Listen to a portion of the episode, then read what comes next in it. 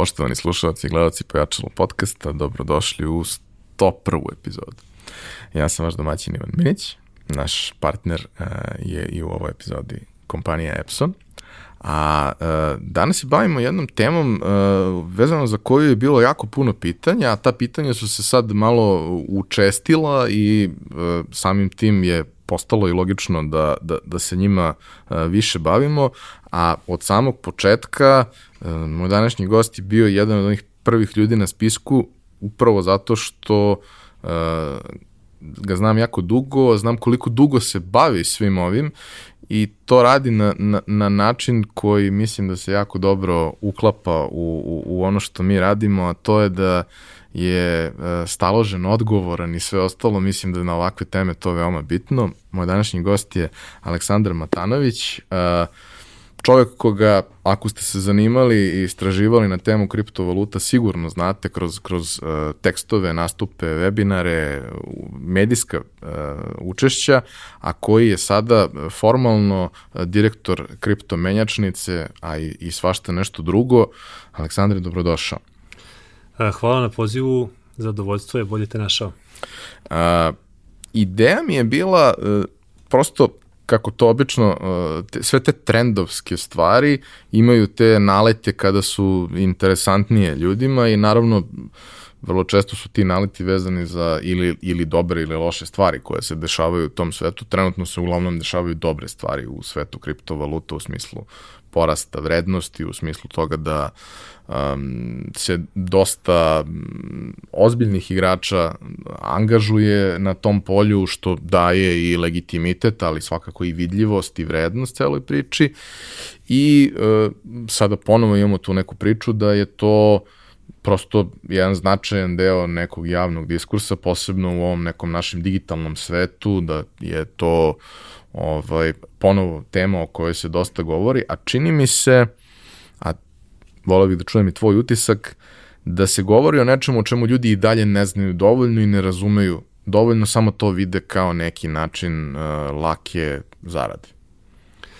Pa u principu se slažem uh, sa, sa manje više svim, dakle jeste trenutak dobar da se priča o ovoj temi jer svuda se priča o njoj praktično, a priča se sa uglavnom nedovoljno informacija, odnosno o njoj pričaju oni koji ne znaju dovoljno, što dalje dovodi do toga da oni koji čuju te priče znaju još manje i prenose opet nekom trećem ko onda još manje zna i tu se stvara dosta nekog šuma, a zapravo ceo koncept i kriptovaluta i blockchaina kao tehnologije koje je u pozadini je relativno kompleksan i zaista zaslužuje da mu se posveti određena pažnja i da se analizira na jedan malo zbiljniji način, a ne samo kroz kretanje cene, jer prosto to je ono što nažalost ljude najviše privlači da uđu u ovu oblast i imamo puno situacija gde se ljudi zalete, kupe, to duše neki dosta i zarade, ali neki prosto i izgube, ali i dalje čini mi se mali procenat njih ostane dovoljno dugo i zagrebe dovoljno duboko da shvati koliko je zapravo cela priča genijalna i koliko ima ozbiljan potencijal da promeni mnoge stvari u svetu u kome živimo, a ne samo da služi kao način da se nešto lako zaradi ili lako izgubi. Da, i mislim, e, po posebno značajan moment, e, naravno laka zarada je nešto što privuče mnoge, ali nije naravno. samo stvar u tome što je laka, nego je ona i brza.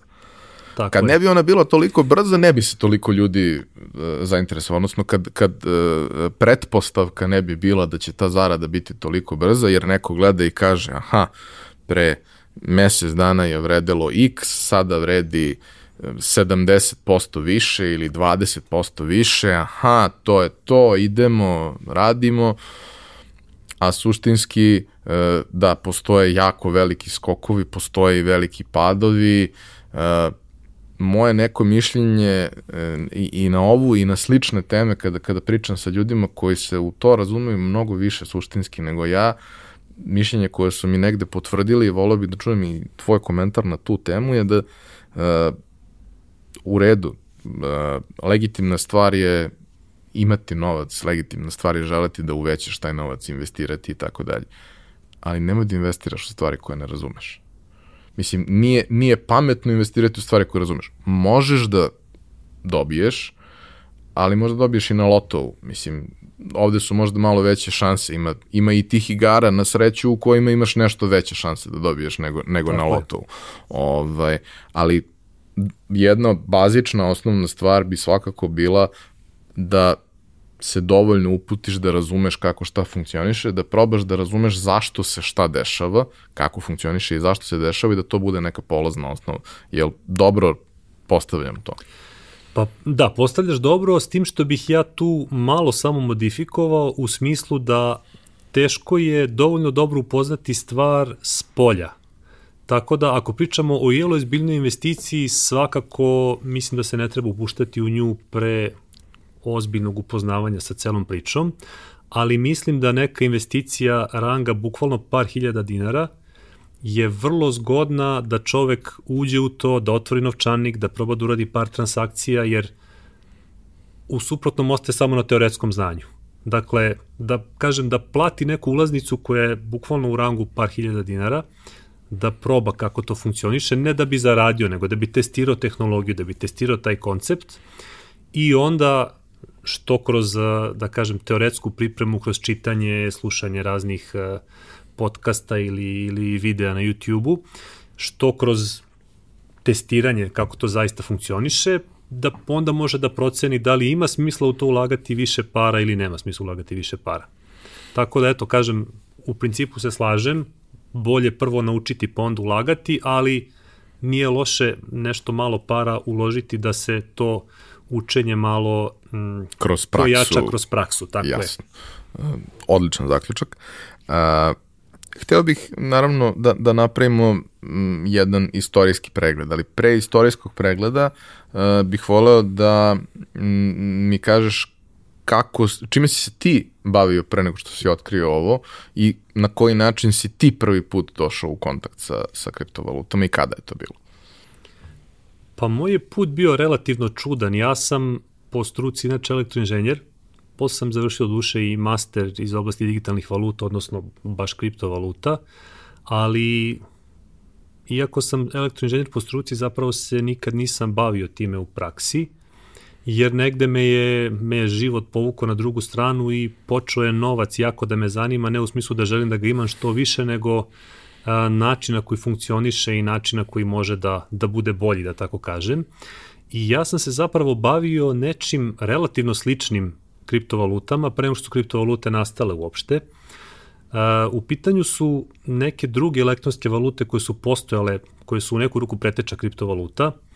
Najpoznatiji od njih je e-gold, sad ne znam da li je, mhm. možda si čuo za nju. Sećam se, e, pa super, se. da. Uh, ja sam zapravo sa, sa tadašnjim partnerom imao menjačnicu za e-gold, kao što danas imamo za kriptovalute. Imali smo online menjačnicu za e-gold od 2007. I Time smo se bavili nekoliko godina, među vremenu i Gold propao zato što je uhapšen vlasnik. Generalno su većina tih e, preteča kriptovalute propala zato što je bila centralizovana i zato što kad su postali dovoljno veliki počeli su da smetaju i onda su prosto zatvarali to jer e, prosto Amerika kao izdavalac dolara ne želi konkurenciju, ne želi da tek tako neko može da uzme i da pravi svoje pare i onda su razne te firme koje su na centralizovani način to radile bile zatvarane čim su postale popularne. I negde taman kad je delovalo da, da taj posao nema budućnost, baš, baš zbog toga što čim se neka valuta malo ozbiljnije omasovi, oni je zatvore i onda u svaku sledeću ljudi ulaze sa mnogo više opreza, negde nama posao i opadao zbog toga. Upoznao sam se srećom sa sa Bitcoinom, kažem srećom zato što u to vreme niste o tome baš mogli da čitate a, svuda po internetu ili da slušate po, po kafanama. Pričamo o negde letu 2011. Sasvim slučajno sam čuo za to i to sam čuo od mog kuma koji je opet čuo slučajno za to i koji mi je ponudio da počnemo da rudarimo. Meni je to delovalo kao teška prevara, jer on mi je to predstavio otprilike ovako, vidi, mi kupimo neke računare, ubacimo u garažu, posle dva meseca smo isplatili investiciju i od tad pa nadalje samo zarađujemo. Ja rekao, dobro, šta treba da radimo? Pepe kaže, mobile. da, kaže, ništa, uključimo računare i to je to. Ja rekao, taj ozbiljan si čovek, nemoj da, nemoj s takim pričama. Međutim, i on je tu u tom trenutku vrlo slabo razumeo o čemu se tu radi, uspio da me ubedi iz jednog vrlo prostog razloga, a to je da zaista nije bilo rizika. A evo zašto. On se u to vreme bavio prodajom računarske opreme. I on je mogao da nabavi tu opremu po veleprodajnim cenama i onda je bilo, ponudio mi ovako, rekao, ok, ajde probamo, ako ne ide posle mesec dana ja to rasprodam, sigurno neću prodati po manjoj ceni nego što sam nabavio i probali smo, izašli smo i to je to. U vreme kad je, kad je on mene na to nagovarao, Bitcoin je upravo bio na svom prvom velikom maksimumu, odnosno blizu svog prvog velikog maksimuma, jer on je 2011. praktično ni iz čega u jednom trenutku probio cenu od jednog dolara i vrlo brzo došao do 32 dolara. Dakle, onako prvi, prvi veliki hype, veliki za ono vreme, mislim, verovatno nije više od od par hiljada ljudi na svetskom nivou učestvovalo u tom hajpu u smislu da je guralo cenu na gore, ali ozbiljan rast je bio i negde se tad pojavilo, pojavilo interesovanje malo pojačano i do nekih ljudi je došla informacija da tu uopšte postoji. I kažem, dok smo mi to krenuli da polako pripremamo, da kupujemo mašine, da postavljamo, on je već pao na 17 dolara. To je nama malo promenilo matematiku u smislu da smo onda mislili da ćemo za 3-4 meseca isplatiti opremu umesto za 2. Međutim, on je nastavio da pada i padao se do 2 dolara.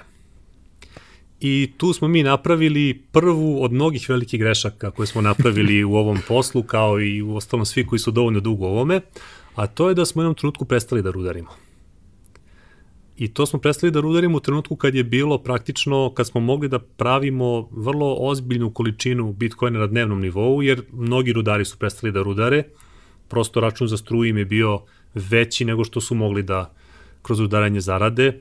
U našem slučaju to je bilo otprilike duplo više. Dakle, da, sam, da smo tada rudarili, a, mi bismo rudarili u dolarima taman toliko da pokrijemo pola računa za struju. I sad tu je problem bio što mi zapravo nismo se upoznali sa time i nismo se, da kažem, naložili na to, nego smo na to čisto gledali kao na zaradu. Znači, to su neke mašine, nama donose pare, baš me briga šta je Bitcoin, baš me briga šta je blockchain, ne zanima me apsolutno. I baš zbog toga što smo imali takav stav smo mi prestali da rudarimo u jednom trenutku. Nije, bil, nije baš bila toliko loša situacija da nismo mogli da izdržimo tih par meseci da finansiramo struju, tim pre što smo mi bili sitni rudari u poređenju sa nekim današnjim kad se, kad se profi rudari, to je bilo par računara i to je sve, ali čisto smo se loše osjećali da pravimo gubitak i onda smo prestali da rudarimo neko vreme.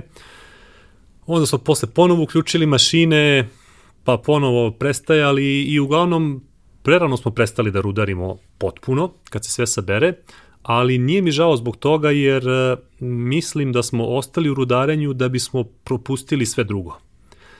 E, pričam to gledajući ljude koje znam iz tog vremena koji rudare već eto deseta godina i koji uglavnom osim rudarenja pojma nemaju šta se dešava u svetu kriptovaluta i dalje ih ni zanima tehnologija i dalje im je taj koncept ceo potpuno nebitan, dakle oni to na to gledaju kao na mašine koje prave pare i to je to. A mislim da je šteta jer uh, zaista mislim da se radi o fenomenalnoj inovaciji i ako se zadržiš na tome da samo vrtiš neke mašine tamo i da ti one prave pare, mislim da si propustio najozbiljniji video. E sad, u nekom trenutku u 2012. smo mi shvatili, opet relativno slučajno, da u Srbiji zapravo mnogo više ljudi rudari nego što smo mislili. Već tada. A shvatili smo tako što nam je to rekao čovek koga ja znam iz prethodnog biznisa, koji je kod mene nešto kupovao, prodavao i gold i koji je praktično možda i najzaslužniji što se to neko rano rudarenje u Srbiji omasovilo, on je čak i neki forum pravio i pravili su svoj mining pool. I on nam je objasnio da, da tu postoji dosta rudara i pitao me pa što ne biste napravili slično ovoj menjačnici za e-gold koja bila na izdisaju, što ne biste napravili menjačnicu za kriptovalute, ima puno rudara koji ne znaju kako to da zamene. I tako je praktično nastao naš biznis pre skoro 9 godina, u martu 2012. I od tada nam je to glavna zanimacija, da tako kažem. Rudaranje smo relativno brzo posle toga batalili.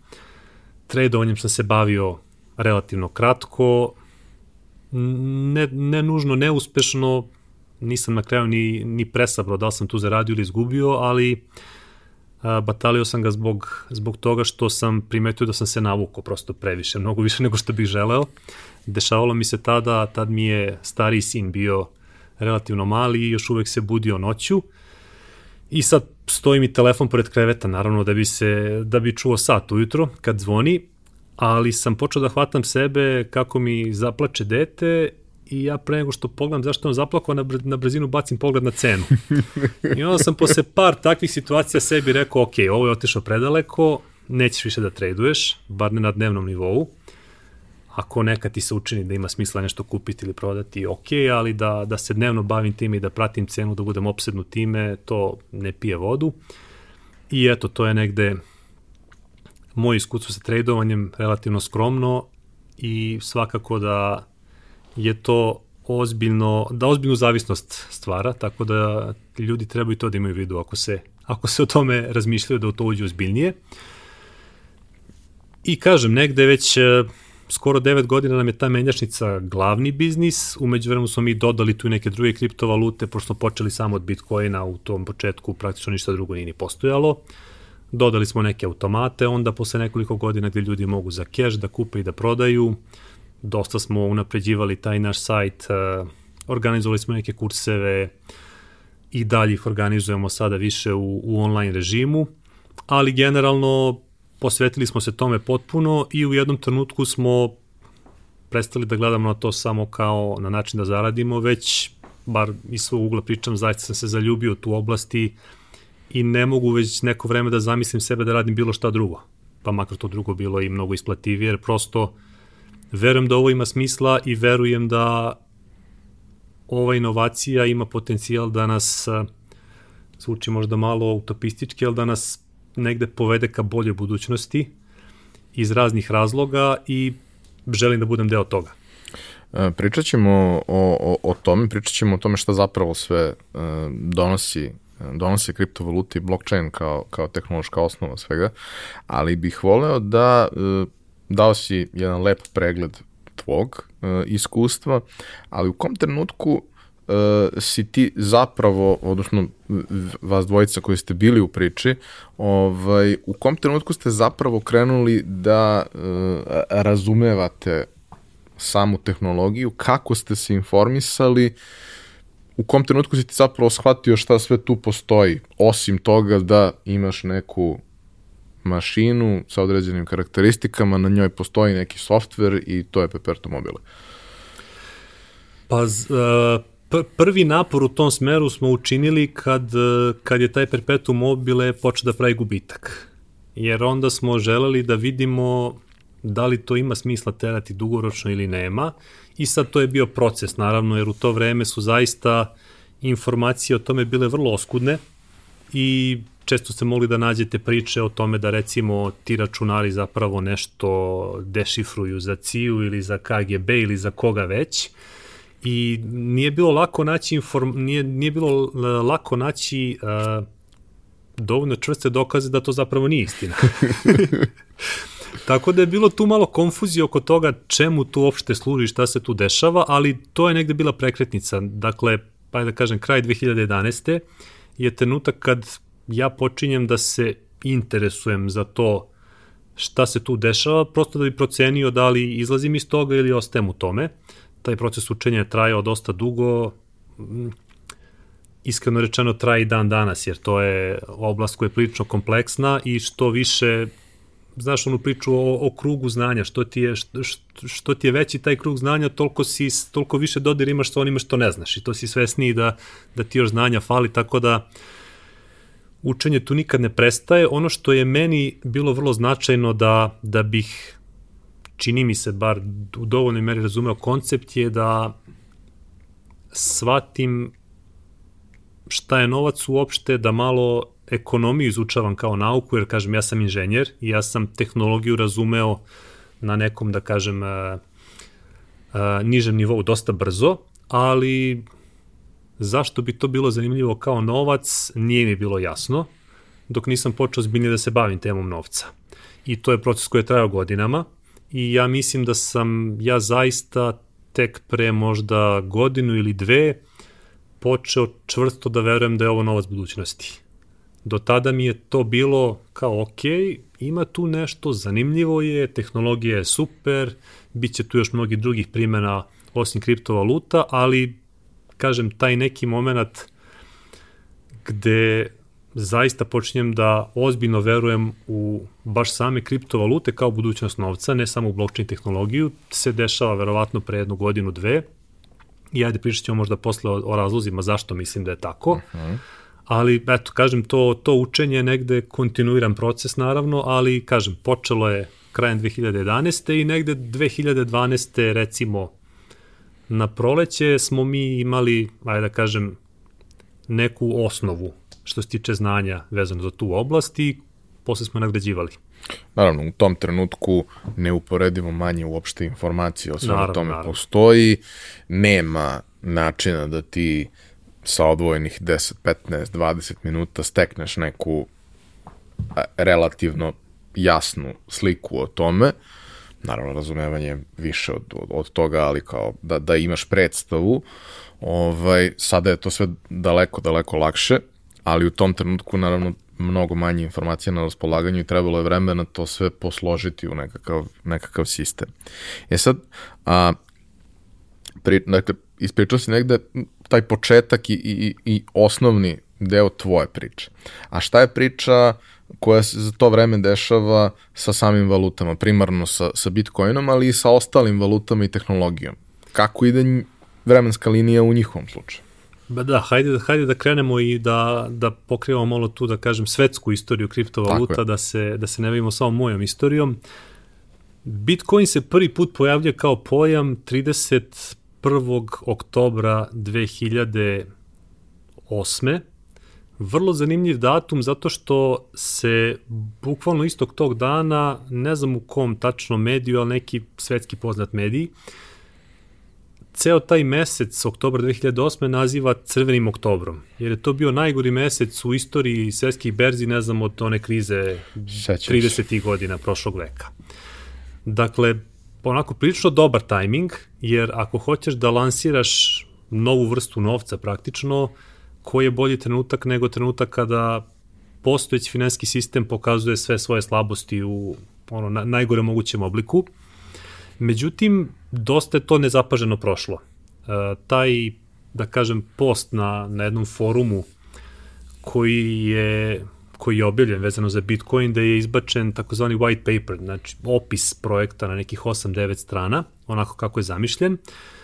Na tom forumu nije bilo puno ljudi, to su uglavnom neki, kako se zovu, kriptoanarhisti, ljudi koji, koji su se bavili kriptografijom, koji, koji izuzetno cene privatnost na internetu i tako dalje, ali relativno mala grupa ljudi na tom forumu. To se tada pojavilo. Ono što je takođe zanimljivo je da taj white paper takozvani potpisuje Satoshi Nakamoto, za koga se i dan danas ne zna ko je, postoje razne teorije o tome ko je zapravo on ili oni, pošto neki kažu da je to previše genijalno da bi jedan čovjek mogao da smisli, da prosto tu moralo da bude više ljudi. Kažem, ni danas se ne zna ko je zapravo, ko stoji za toga. Ono što se zna o Satoshiju, kogod on bio, je da on verovatno ima oko milion bitcoina, od ukupno 18,5 miliona koliko je opticaju, dakle, prilično bogatstvo, koje je sada prevedeno u dolare oko 35-40 milijardi dolara.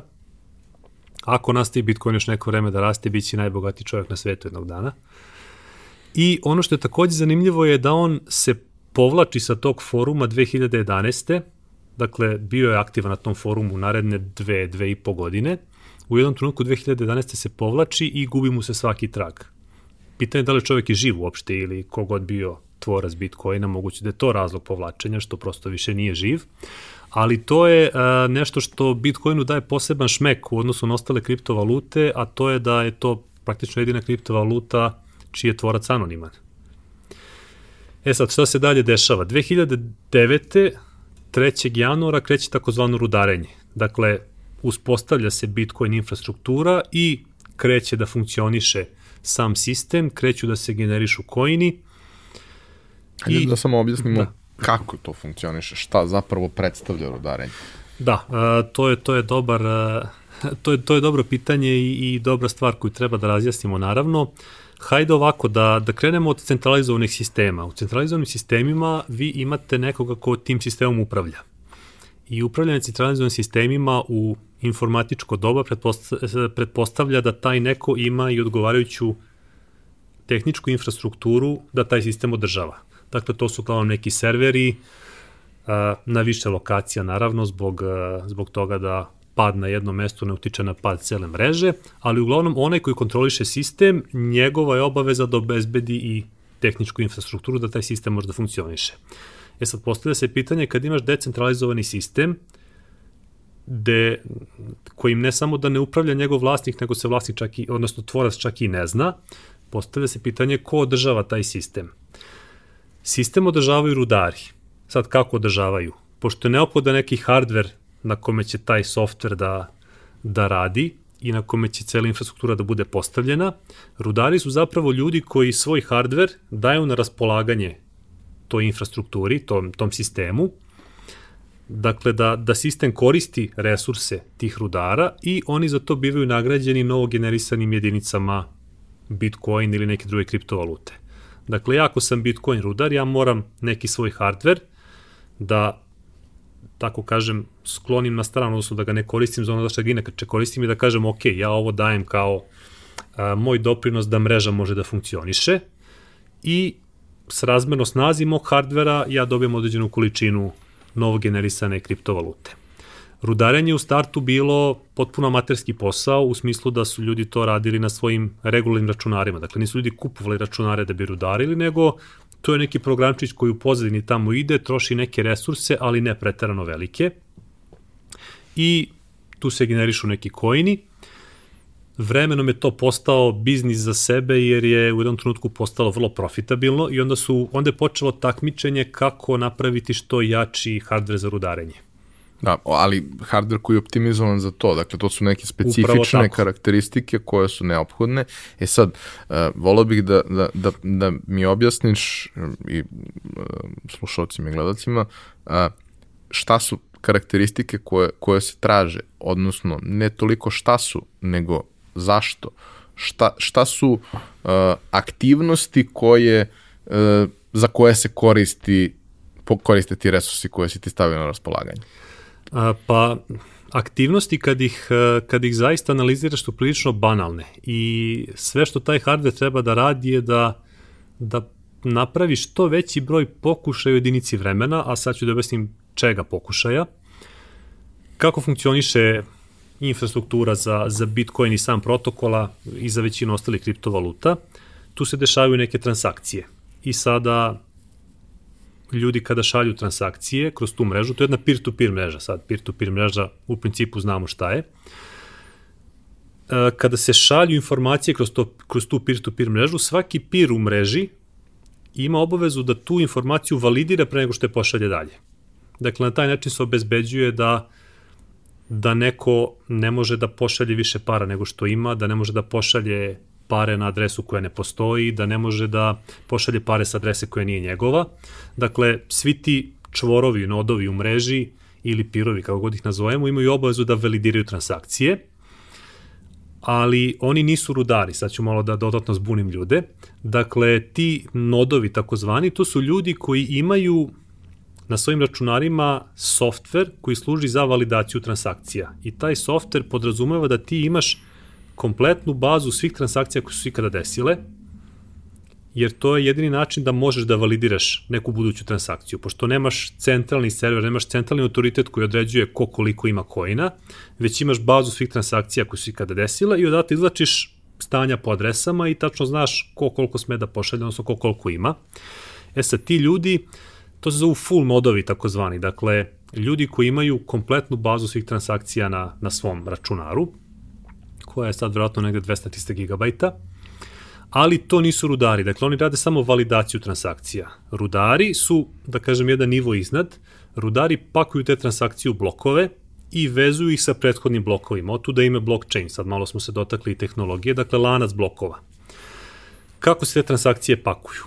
Uh, rudar uzme iz takozvanog mempula, mempool je mesto, mislim ne fizičko mesto, ali u mempoolu se skupljaju nepotvrđene transakcije od strane rudara. Dakle, nodovi su ih validirali i onda one sad, da zamislimo da stoje negde, rudar zagrabi iz tog mempula određenu količinu transakcija koje još uvek nisu ušle u blok, zagrabi onoliko koliko blok dozvoljava, jer blok može da bude 1 megabajt veliki u slučaju Bitcoina, i onda ih on provlači kroz jednu, te sve transakcije provlači kroz jednu kripto, kriptografsku funkciju. A, ta kriptografska funkcija sad probaću da, da pojednostavim jer verujem da, da prosto većina ljudi to ne zna. To je jedna hash funkcija koja za određeni ulazni podatak daje izlaz fiksne dužine. Dakle, koliko god ja ubacio ulaznih podataka, hash funkcija na svom izlazu ima uvek podatak fiksne dužine u bajtovima i ima podatak koji je nepredvidiv u smislu da ja nemam pojma kako treba da menjam ulazne podatke da bi dobio zadati broj na izlazu. Šta znači zadati broj? Pošto puno rudara istovremeno pokušava da napravi sledeći blok. Dakle, rudari ne sarađuju, oni se takmiče. Sarađuju ovi nodovi koji zajedno validiraju transakcije i prenose informacije jedni drugima, a rudari se takmiče. I zato onaj ko ima jači hardware, on više zarađuje, prosto češće pobeđuje u tom takmičenju. Dakle, rudari skupe transakcije na gomilu i takmiče se ko će prvi da napravi takav set ulaznih podataka za koji je izlaz manji od neke zadate vrednosti. Dakle, ajde da zamislimo da... Ko će prvi uspeti da ga spakuje? Da, da, ali manje vrednosti u smislu, uh, pošto ajde da, ajde da kažemo da hash funkcija generiše neki random broj između 0 i 1000, iako je to mnogo veći broj, jer ima mnogo više bajtova, ali nek bude od 1 do 1000 i recimo da je zadatak za rudare prvi rudar koji za određeni set ulaznih podataka kada ga provuče kroz hash funkciju dobije broj koji je manji od 100, on je pobedio. Dakle, tako rudarenje funkcioniše. Imaš limit ispod koga mora da bude tvoj rezultat.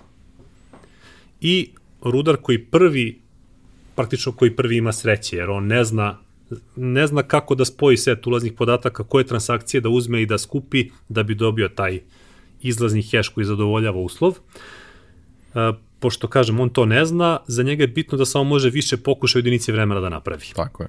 I čim se napravi sledeći blok, trka se resetuje i kreću da se trkaju ko će da doda sledeći blok. Jedan od ulaznih podataka u svakom bloku je i hash prethodnog bloka. Na taj način su blokovi kriptografski uvezani, zato je to lanac blokova, a ne samo gomila blokova. To opet obezbeđuje jednu bitnu karakteristiku blockchaina, a to je da ne mogu da promenim ni jedan podatak u starim blokovima, a da ne promenim i sve blokove posle njega. Što je vrlo bitno za, s aspekta verodostojnosti podataka. E sad da se vratimo, da se vratimo opet na rudare, dakle rudari prosto se bave takozvanom brute force kriptografijom. Dakle to nije nikakav to nisu nikakve pametne mašine, to su prosto jake i brze mašine. Zamisli kao zamisli situaciju kao da treba da da otvoriš sef koji ima četiri cifre i ako ako poznaješ čoveka čiji je to sef, ti ćeš probati sa datumom rođenja ili probaćeš da da kažem nađeš prečicu Ako nemaš pojma, ti ćeš krenuti 0000, 0001, dok ne nađeš broj. Tako rade rudari. Dakle, rudari samo treba da što više pokušaja na slepo izvrte, jer, kažem, a, oni, a, ta hash funkcija koja pretvara set ulaznih podataka u izlaz, oni ne znaju kako ta funkcija fun funkcioniše, odnosno ne znaju kako da tvikuju ulazne podatke da bi povećali šansu da izlaz bude takav kakav treba. I sad, funkcija je po dizajnu takva da ti to funkcija po, u principu ne možeš takve, tako da, je, da, tako da, da ne možeš da prilagodiš to na način da, da te daje prednost u odnosu da. na, na, na druge, osim time da zbog veće brzine imaš više pokušaja. Tako je, tako je. Mislim, hash funkcije su, nisu nešto što je vezano samo za kriptovalute, to su funkcije koriste koje se koriste u kriptografiji naravno. generalno veoma, veoma mnogo, baš zbog te svoje uh, pogodne pogodne karakteristike da ti ne znaš na osnovu izlaza, ne možeš da pretpostaviš ništa o ulazu. A, dobro. 2009. uspostavljena infrastruktura, pa smo otišli na temu rudarenja, da, je, je, da je da. objasnimo, da bi ljudi mogli da razumeju. Šta se dešava dalje? A, pa do, dosta dugo, a, ako se ja dobro sećam, barem godinu i po dana se rudari procesorima baš zato što ne postoji velika konkurencija, to je jedan razlog. Dakle, svi koji rudare uspevaju da izgenerišu solidan broj bitcoina. Drugi razlog je što bitcoin ne vredi ništa. Dakle, da li si izrodario 50 ili 50 hiljada, dođe ti isto ako on vredi nula. Tako da tu još uvek ne kreće trka kad su u pitanju rudari, ali sad ćemo kroz, kroz istoriju kriptovaluta se paralelno pratiti istoriju rudarenja. 2010. u maju se dešava istorijski trenutak i to je neki, neki dan koji se, da kažem, najviše slavi u kripto svetu, a to je Bitcoin Pizza Day. To je dan 20, 22. maj 2010. se dešava da prvi put se za Bitcoin dobija nešto konkretno. Da li to bile pare ili roba ili usluga, dakle prvi put mu se dodeljuje neka vrednost uopšte. Do tada je on bio samo broj na ekranu, bukvalno bez ikakve vrednosti, znači punih godinu i po dana skoro. Dešava se da opet na tom forumu, valjda, gde su se ti zaljubljenici u Bitcoin e, skupljali i međusobno komunicirali, kojih je zaista bilo vrlo malo u tom trenutku, e, neko je napisao daću 10.000 Bitcoina onome ko mi donese dve pice. I neko se javio, naručio je picu online, platio karticom verovatno, ovom kad su došle pice, on je uredno platio 10.000 bitcoina. I ostalo okay. je istorija. Idite po forumima, gledajte šta ljudi hoće da daju za picu. Da, inače za, postoji, uh, postoji vrlo zanimljiva, zanimljiv link između pizza i inovacije. Ja sam negde pročitao da je i prva prva e-commerce transakcija na internetu takođe bila kupovina pice, ali sam čitajući malo više o tome našao da to zapravo nije istina da je postojala neka transakcija pre toga, ali da ova je mnogo više medijski propraćena i da postoji zabluda da je pizza prva stvar ikad kupljena preko interneta. Ali što se tiče Bitcoina, definitivno je pizza prva stvar plaćena Bitcoinom, bar da se o tome zna, tako da tu je neka veza među pizza i inovacije, kažem, postoji, neka čudna veza. Da li taj čovjek i dalje jede pice, ne znam. Verovatno su mu presele. Verovatno je oplako. da. S druge strane, ovo što je dobio 10.000 bitcoina za, a, za picu, verovatno je brže bolje prodao čim je nešto mogo da dobije za te pare. Ne verujem da i dalje čuva jer uh, ljudi često razmišljaju pa ti koji su rudarili, koji su izrudarili hiljade, desetine hiljada bitcoina, sad su sigurno milijarderi, velika većina nije, jer ili su izgubili te bitcoine ili su ih prodali na 20 centi ili na 2 dolara, jer prosto kad ti nešto dugo ne vredi ništa i onda dobije neku vrednost, prirodno je da želiš da tu vrednost unovčiš nekako. Tako da e, negde na leto 2010. kreće i prvo organizovane trgo, organizovano trgovanje Bitcoinom. E, cene su smešne u tom trenutku. Čisto napravimo da se vratimo na picu, ako preračunamo uh, cene pizza i koliko je bitcoina plaćeno tad, koliko je bitcoina plaćeno za te pice, do, dolazimo do vrednosti bitcoina od 0,3 centa. Dakle, eto, to je prva vrednost koju je dodeljena bitcoinu na neki način, ja tako kažem. Kažem, kreće organizovano trgovanje 2010. koliko toliko organizovano, u poređenju sa današnjim kriptoberzama, to je izuzetno nizak nivo. 2011. cena prvi put prelazi 1 dolar, pojavljuju se dodatne kripto berze, pojavljuju se prvi put e, druge kriptovalute, dakle Bitcoin više nije jedini. I šta se još zanimljivo dešava, e, prelazi se na, tad se već ozbiljno prelazi na rudarenje grafičkim karticama. Mislim da je već 2010. krenuo proces, ali baš zbog toga što je u jednom trenutku rudarenje postalo izvor zarade, a ne samo više pod, podržavanje sistema i pružanje infrastrukture. U ono vreme koje, koje, koje ti opisuješ kao početak svega toga, ja to zamišljam kao ono što smo mi, druga vrsta geekova u tom nekom periodu. Pre toga bio je ovaj SETI projekat i ti daješ svoje resurse da. za neku analizu nekih snimaka iz svemira, signala i tako dalje. Kao, tako bukvalno je. sam to do, na taj način doživljavao, a onda to kreće da, da se pretvara u priču koja ima novac kao podlogu. Tako je. Prvi godin i po dana rudaranje praktično bilo uh, nešto što su ljudi radili iz entuzijazma, nisu nikakvu, nikakve pare za to dobijali, do duše i potrošnja je bila minimalna, jer kažem, to, je, to su procesori radili sa delićem svoje procesorske snage dok ti radiš nešto drugo na kompu. Uh, u drugoj polovini 2010. je neko, je neko provalio da uz odgovarajući softver jake grafičke kartice mogu da rade neuporedivo više tih pokušaja u jedinici vremena nego procesori. I polako se prelazi na rudarenje grafičkim karticama, a ne procesorima. što se u nekom trenutku pokazalo kao a, ozbiljan problem za gejmere, jer a, bilo je perioda kad je rudaranje bilo vrlo popularno, kad gejmeri nisu mogli da dođu do grafičkih kartica jakih. Sećam se. Da. Dakle, tu je 2010. kreće rudarenje grafikama, 2011. praktično se izbacuju procesori kao, a, kao nešto čime se rudari, isključivo se rudari grafičkim karticama. A, 2011. takođe se pojavljuje novi hardver za rudarenje koji je da kažem ajde malo specijalizovaniji za rudarenje u odnosu na grafičke kartice. To su neke FPGA kartice specijalizovane za rudarenje koje nisu bile jače od grafičkih kartica, ali su bile dosta ekonomičnije u smislu potrošnje struje. One nikad nisu u toj meri zaživele jer prosto ljudima je bilo lakše da ulažu u grafike, računali su pa dobro ako pukne rudarenje rasprodaću grafike, a ako pukne rudarenje ne mogu da rasprodam taj hardware koji je pravljen baš za rudarenje, mislim, jer ni za što drugo ne vredi. 2012. negde cena se vrti između 2 i 10 dolara, recimo, ništa se spektakularno te godine ne dešava, osim što zapravo neke firme počinju da rade na hardveru koji je u samom svom dizajnu i već u fabrici napravljen samo da rudari bitcoine i naravno kad ti hardware praviš samo sa ciljem da rudari bitcoine, da je on mnogo jači i mnogo efikasniji od grafika koji su pravljene za nešto drugo, pa ih ti samo programiraš da rudara, ali to im nije osnovna namena. Početkom 2013. krene, kreće polako da se rudari tim takozvanim ASIC mašinama i one postaju vrlo brzo dominantne. Grafike se sele na altcoine, takozvane. Altcoini su svi coini koji nisu bitcoin znači alternativni coini, da tako kažem, to je skraćeno altcoini. Dakle, rudarenje se, što se tiče bitcoina, prebacuje na isike, grafičkim karticama se rudare ostale kriptovalute.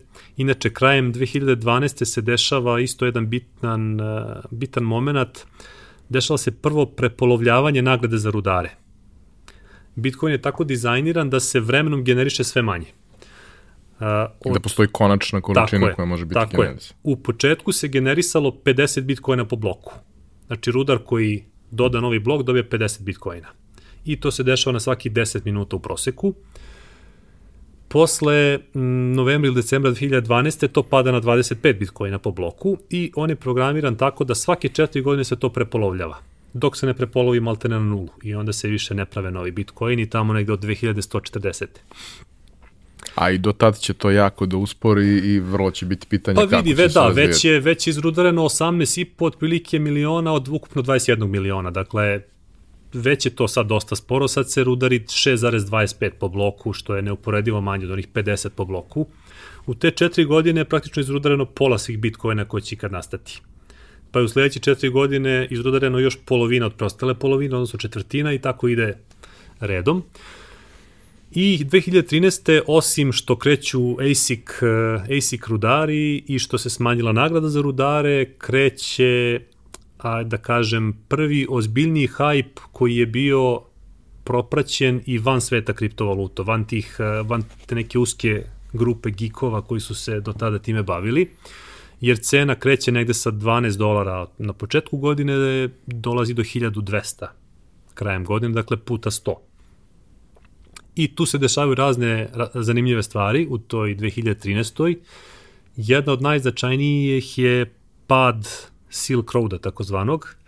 Na, mm, na dark webu takozvanom je postojalo nekoliko marketa gde su ljudi prodavali razne stvari za bitcoine, razne ilegalne stvari. Ubedljivo najpopularniji je bio Silk Road i postoje neki narativ, pogotovo među institucijama, među mainstream medijima, da Bitcoin zapravo samo za to i služi i da bez toga Bitcoin ne bi vredao ništa. Dešava se pad tog Silk Roada negde oko 1. oktobra 2013. Vrlo bitan trenutak jer uh, mislim da je tu svako shvatio da Bitcoin nije valuta za Silk Road, jer u trenutku pada Silk Road-a Bitcoin vredi 130 dolara, dva meseca kasnije vredi 1200. Bez Silk Road-a. Tako da, uh, iako do dana današnjeg ostaje taj neki, m, da kažem, negativan stav prema Bitcoinu, pre svega od strane institucija, finansijskih institucija, koji u njemu vide pretnju i vide nešto što ne mogu da kontrolišu onako lako kao običan novac, mislim da se od tog trenutka malo po malo ta neka slika o Bitcoinu popravlja i da će nastaviti da se popravlja, jer prosto iako se pominje često kao alat za pranje novca, za finansiranje terorizma, za drugi ilegalne aktivnosti, postoji upadljivo malo dokaza da se to zaista dešava. Dakle, priče postoje, teorije postoje, ali kad pogledaš koliko je zaista slučajeva otkriveno da se to desilo, prilično malo. Dobro, generalno, ceo taj moment sa, sa pranjem novca i finansiranjem terorizma i gomilom propisa koji se bave sprečavanjem toga svega, postoji jako malo slučaja u kojima to zapravo ima e, nekog smisla, ali Slažem postoji se. jako mnogo bola koje to proizvede za sve ostale koji se ne bave time. Ovaj, a ako neko baš želi da finansira to, on će naći način, Upravo nije mu neophodan da. Bitcoin da. ili bilo što drugo da bi to radio, da. naći će način. Upravo tako. Mislim, generalno to pranje novca i finansiranje terorizma je jedan veliki teret pre svega za finansijske institucije, a mislim e, koje troše enormne količine novca da bi se uskladili sa tom regulativom, a mislim da su efekti minimalni i mislim da ne opravdavaju tu količinu uloženih sredstava. Mislim da prosto ceo koncept nije dobro osmišljen i da, i da kažem, troši velika sredstva, donosi vrlo male rezultata, ali to je neka priča uh, to je neka priča koja nije pretarano povezana sa ovim. Uh, došli smo do 2014.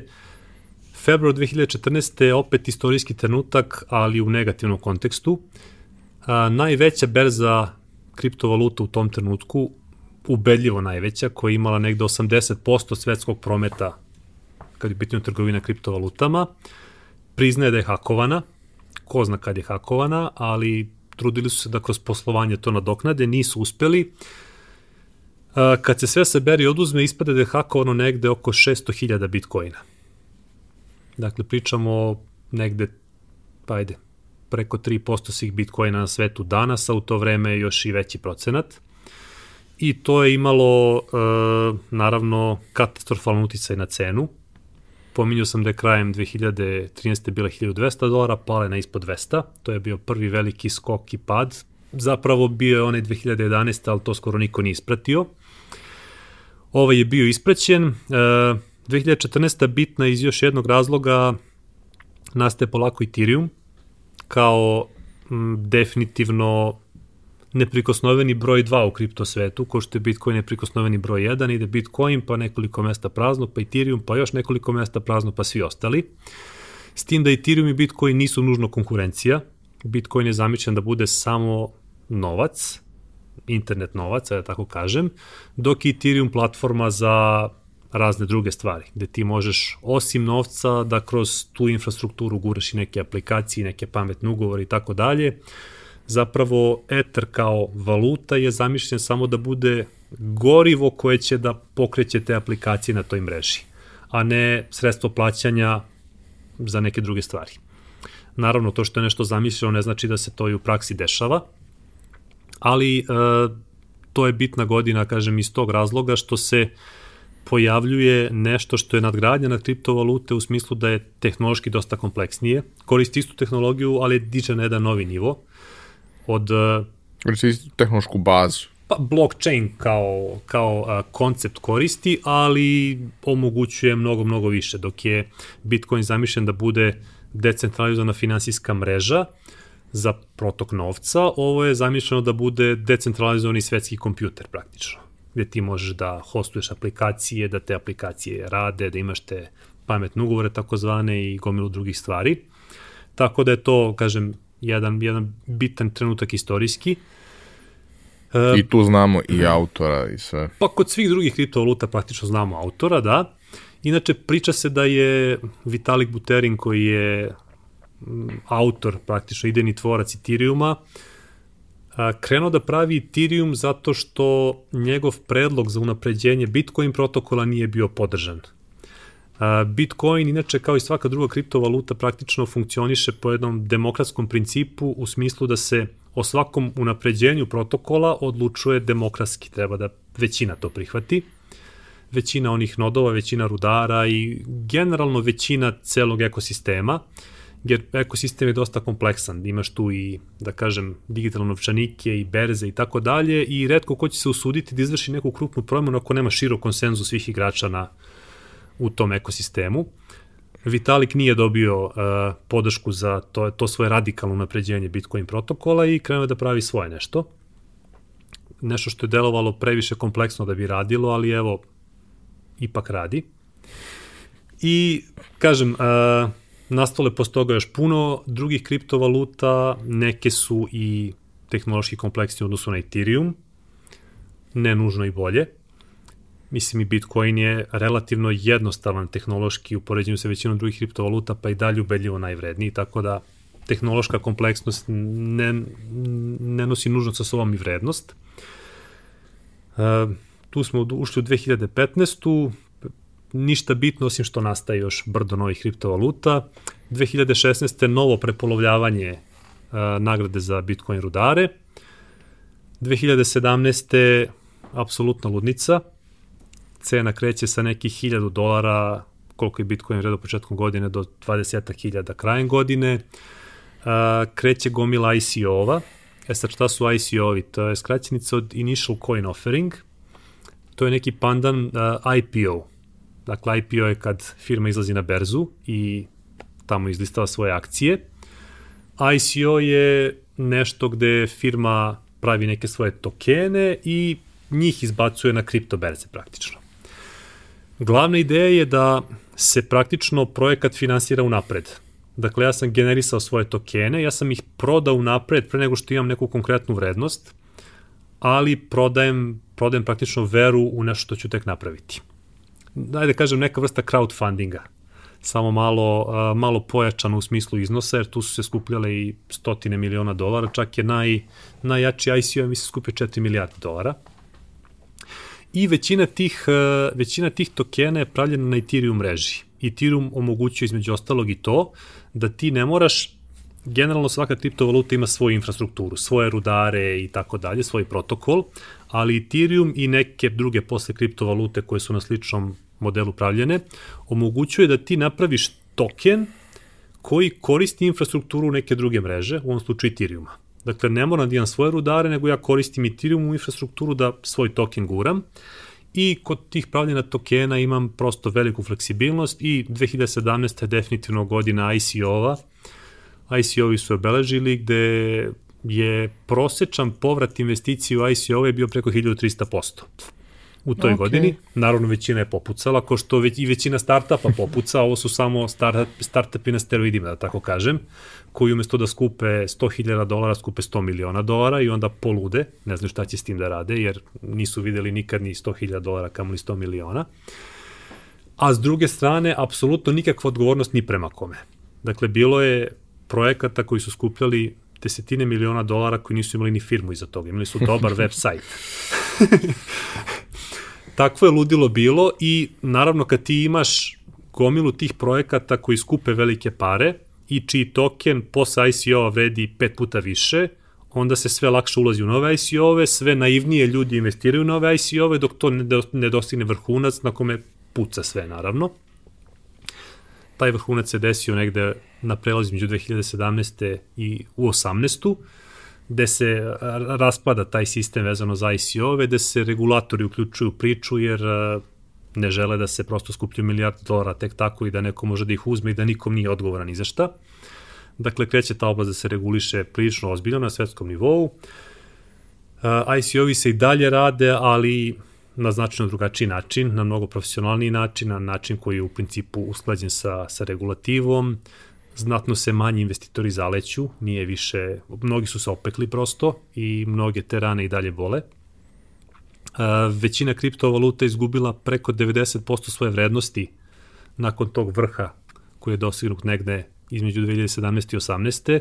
Bitcoin je tu još najbolje prošao, on izgubio samo 80 i nešto posto.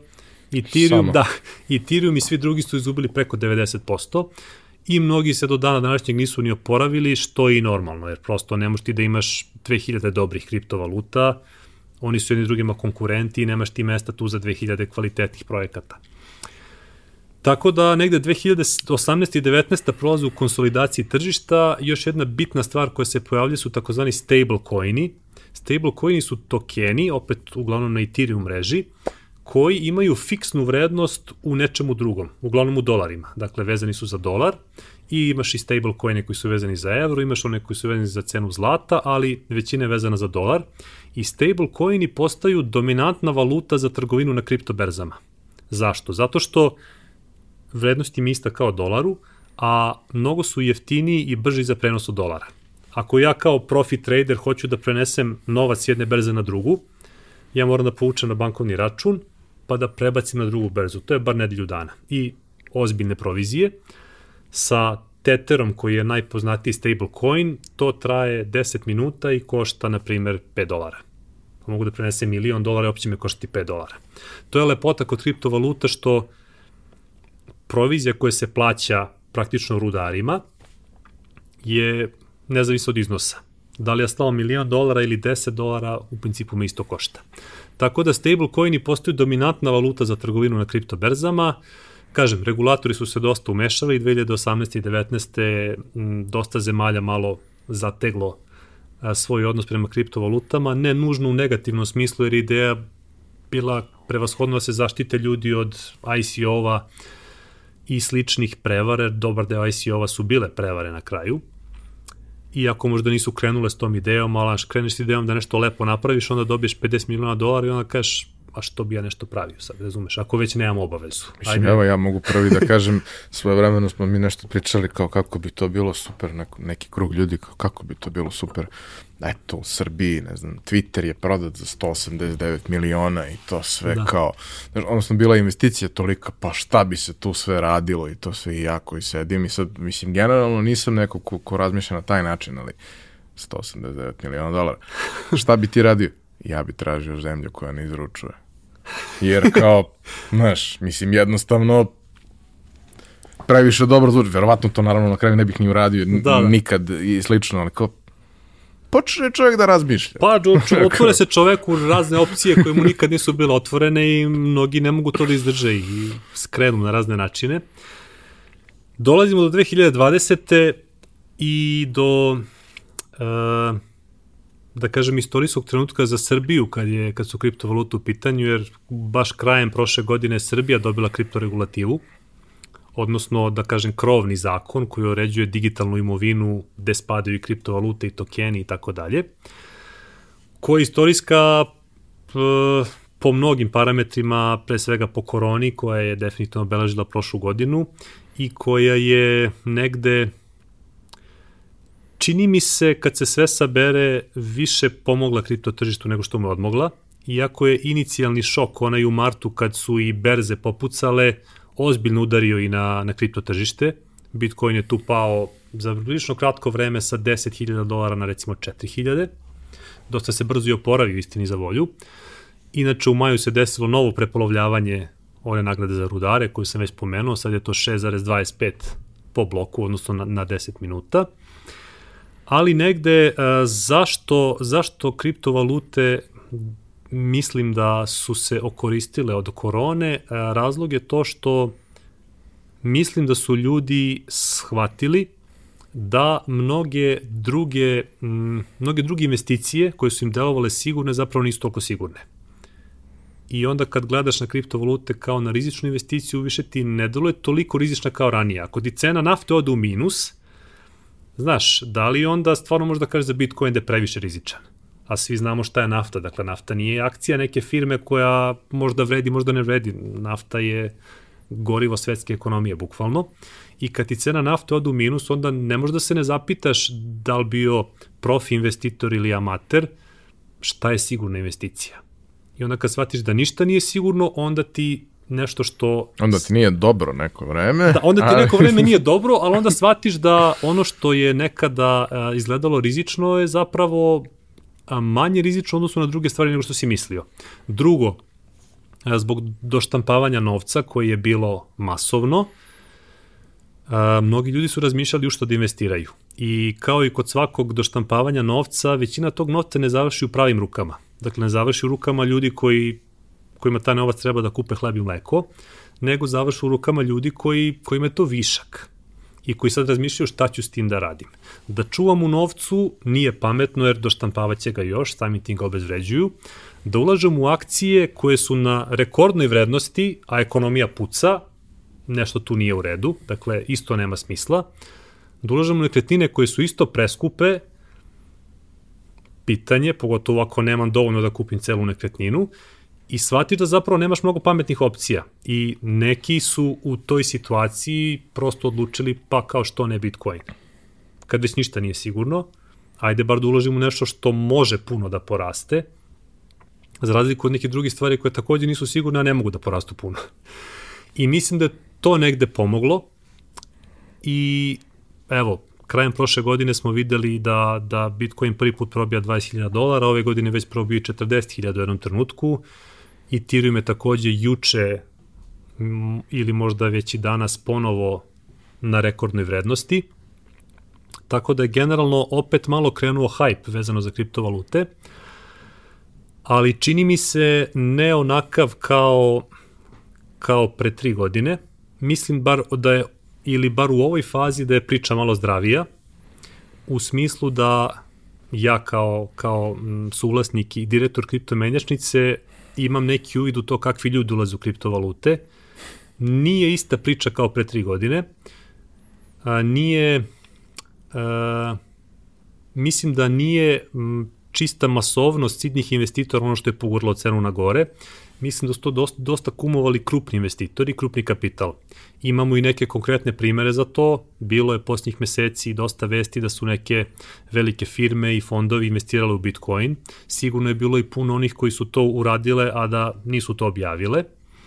A, takođe, jedan, a, jedan fenomenalni događaj se desio pre par meseci kada je PayPal ubacio Bitcoin. PayPal kao firma koja je do skora zatvarala naloge ako nanjuše da bilo šta imaš sa Bitcoinom, u smislu da ako ja tebi pošaljem pare preko Paypala, ti meni pošalješ Bitcoine, da nam verovatno zatvaraju nalog u bojici ako to saznaju. I sad oni odjednom ubacuju Bitcoin. Tako da je to krupna stvar i generalno a, nije to više a, nije to više stvar samo za za gikove da tako kažem, već ulaze i krupni igrači iz ovog da kažem iz sveta tradicionalnih financija polako ulaze na to tržište i mislim da je to pre svega poguralo cenu gore, a ne puno sitnih investitora. Nažalost, e, ti sitni investitori obično dođu pred kraj, kad je negde hype pri kraju i kad, kad se sprema korekcija, do koje će neminovno doći. Prosto, uh, kripto tržište je takvo da ide u talasima i uh, euforiju smenjuje panika i tako u krug prosto to je tržište koje je slobodnije u smislu da nema razne ograničenja koje klasične berze imaju.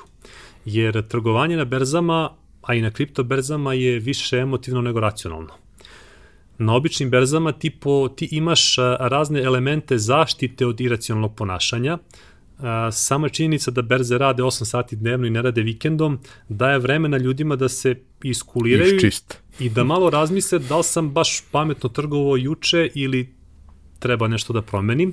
Takođe, berze imaju dodatne uh, mehanizme zaštite da kada cena, cene krenu da padaju naglo za kratko vreme, stopira se trgovanje da bi se sprečio krah i dok se stopira trgovanje malo se investitori presaberu i neki se možda predomisle, to je ideja. Kripto berze rade 24 sata dnevno. I tu tog elementa nema. Dakle, kad je euforija...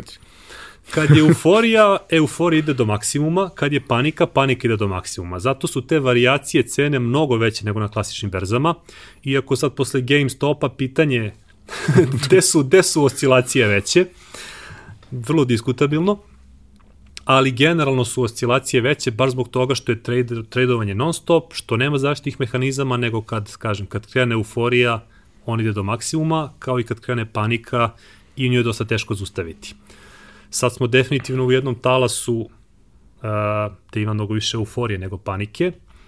Kažem, mislim da je dosta zdravija situacija nego pre tri godine, u smislu da je infrastruktura oko kriptovaluta neuporedivo jača, da je generalno slika o kriptovalutama dosta bolja, da se ne vezuju više toliko za kriminalne aktivnosti, da su ušli i ozbiljni igrači iz sveta financija u to, PayPal na primer, takođe u nekim zemljama je bankama sada dozvoljeno da drže kriptovalute za svoje klijente, što daje dodatnu sigurnost ljudima da, da uđu u to.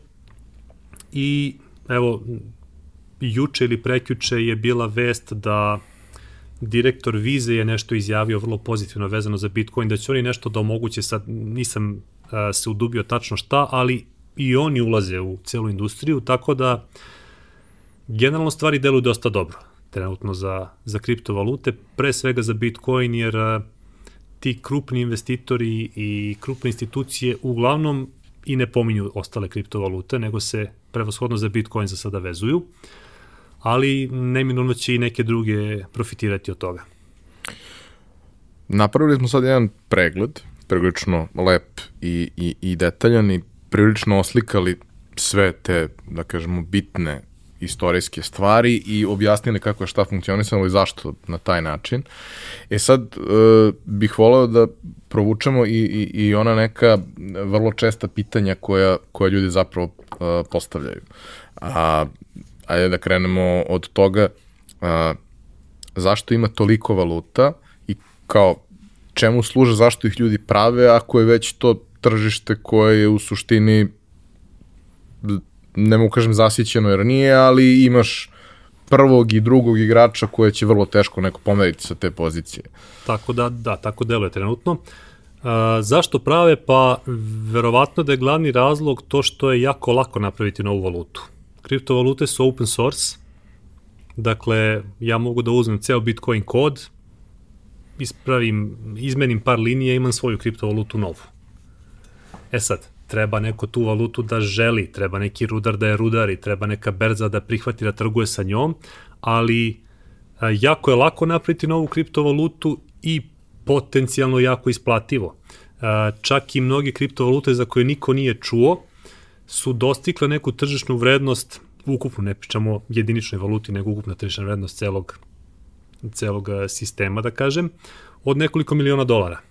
I sad onaj ko je to kreirao, ko neminovno ima više toga nego svi ostali, on to može dobro da unovči. Tako da, u principu je jednostavno, potencijalno vrlo profitabilno i mm, ne postoje ni regulatorne prepreke.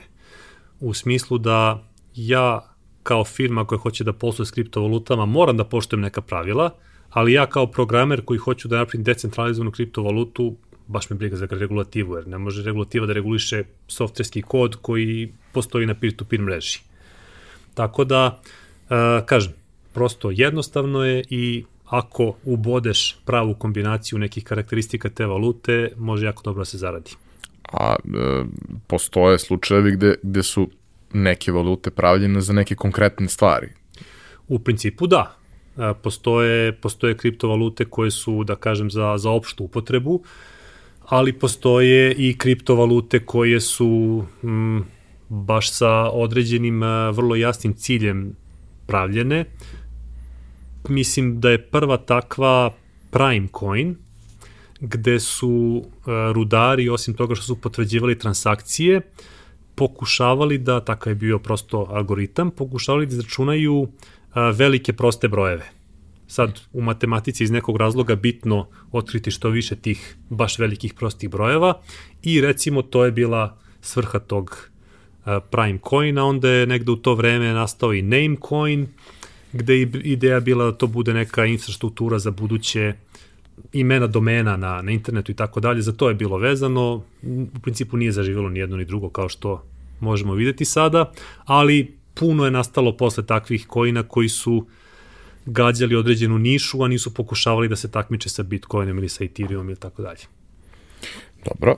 A, takođe, e, jedna od stvari ko, koju si pomenuo, a mislim da ljudima vrlo često nije baš najjasnija, to je da a, postoji a, novčanik, odnosno wallet, u kome se čuvaju valute. Ljudi ne razumeju kako to funkcioniše, šta je to zapravo i što je najvažnije, kako može da dođe do toga da ljudi izgube valute. Zato da. što ne razumeju. Vrlo važna tema. Uh, hajde da probam da napravim neku paralelu sa, sa bankovnim računom. bankovni račun je vezan za vaše ime i prezime i ostale vaše podatke. Dakle, ako vi iz nekog razloga izgubite pristup računu, banka vam može vratiti taj pristup jer prosto kažem račun je vezan za vaše ime i prezime. U svetu kriptovaluta ne postoji broj računa, postoji takozvana adresa koja je da niz karaktera, brojki i slova, koje praktično istu funkciju ima kao i broj računa u banci. Međutim, kod kriptovaluta ta adresa nije vezana za vaše ime i prezime, niti vam iko dodeljuje adresu jer je decentralizovan sistem, već je vezana za određeni privatni ključ. Privatni ključ je kao jedna jako dugačka šifra praktično. I privatni ključ je ono što vama daje pravo da potrošite kriptovalute sa određene adrese.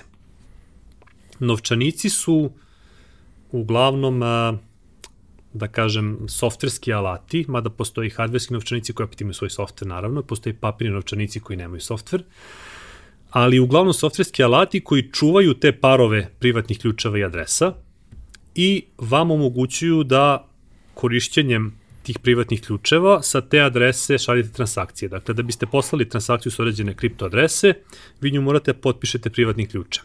Taj potpis se dešava tako što vi kliknete na send, a negde u pozadini neki algoritam privatnim ključem potpiše tu transakciju, da kažem, tako što opet neku kriptografsku funkciju tamo izvrti. I u principu je to to. Dakle, onaj ko ima vlasništvo na privatnim ključem, on je vlasnik coina, a ne ja kao Individual. Aleksandar Matanović, da. Tako da, ako bi neko drugi imao privatni ključ od neke moje kripto adrese, to više nije moja kripto adresa, nego njegova. Dakle, oni čiji je ključ, njegovi su coini. Postoji, postoji izreka u kripto svetu not your keys, not your coins.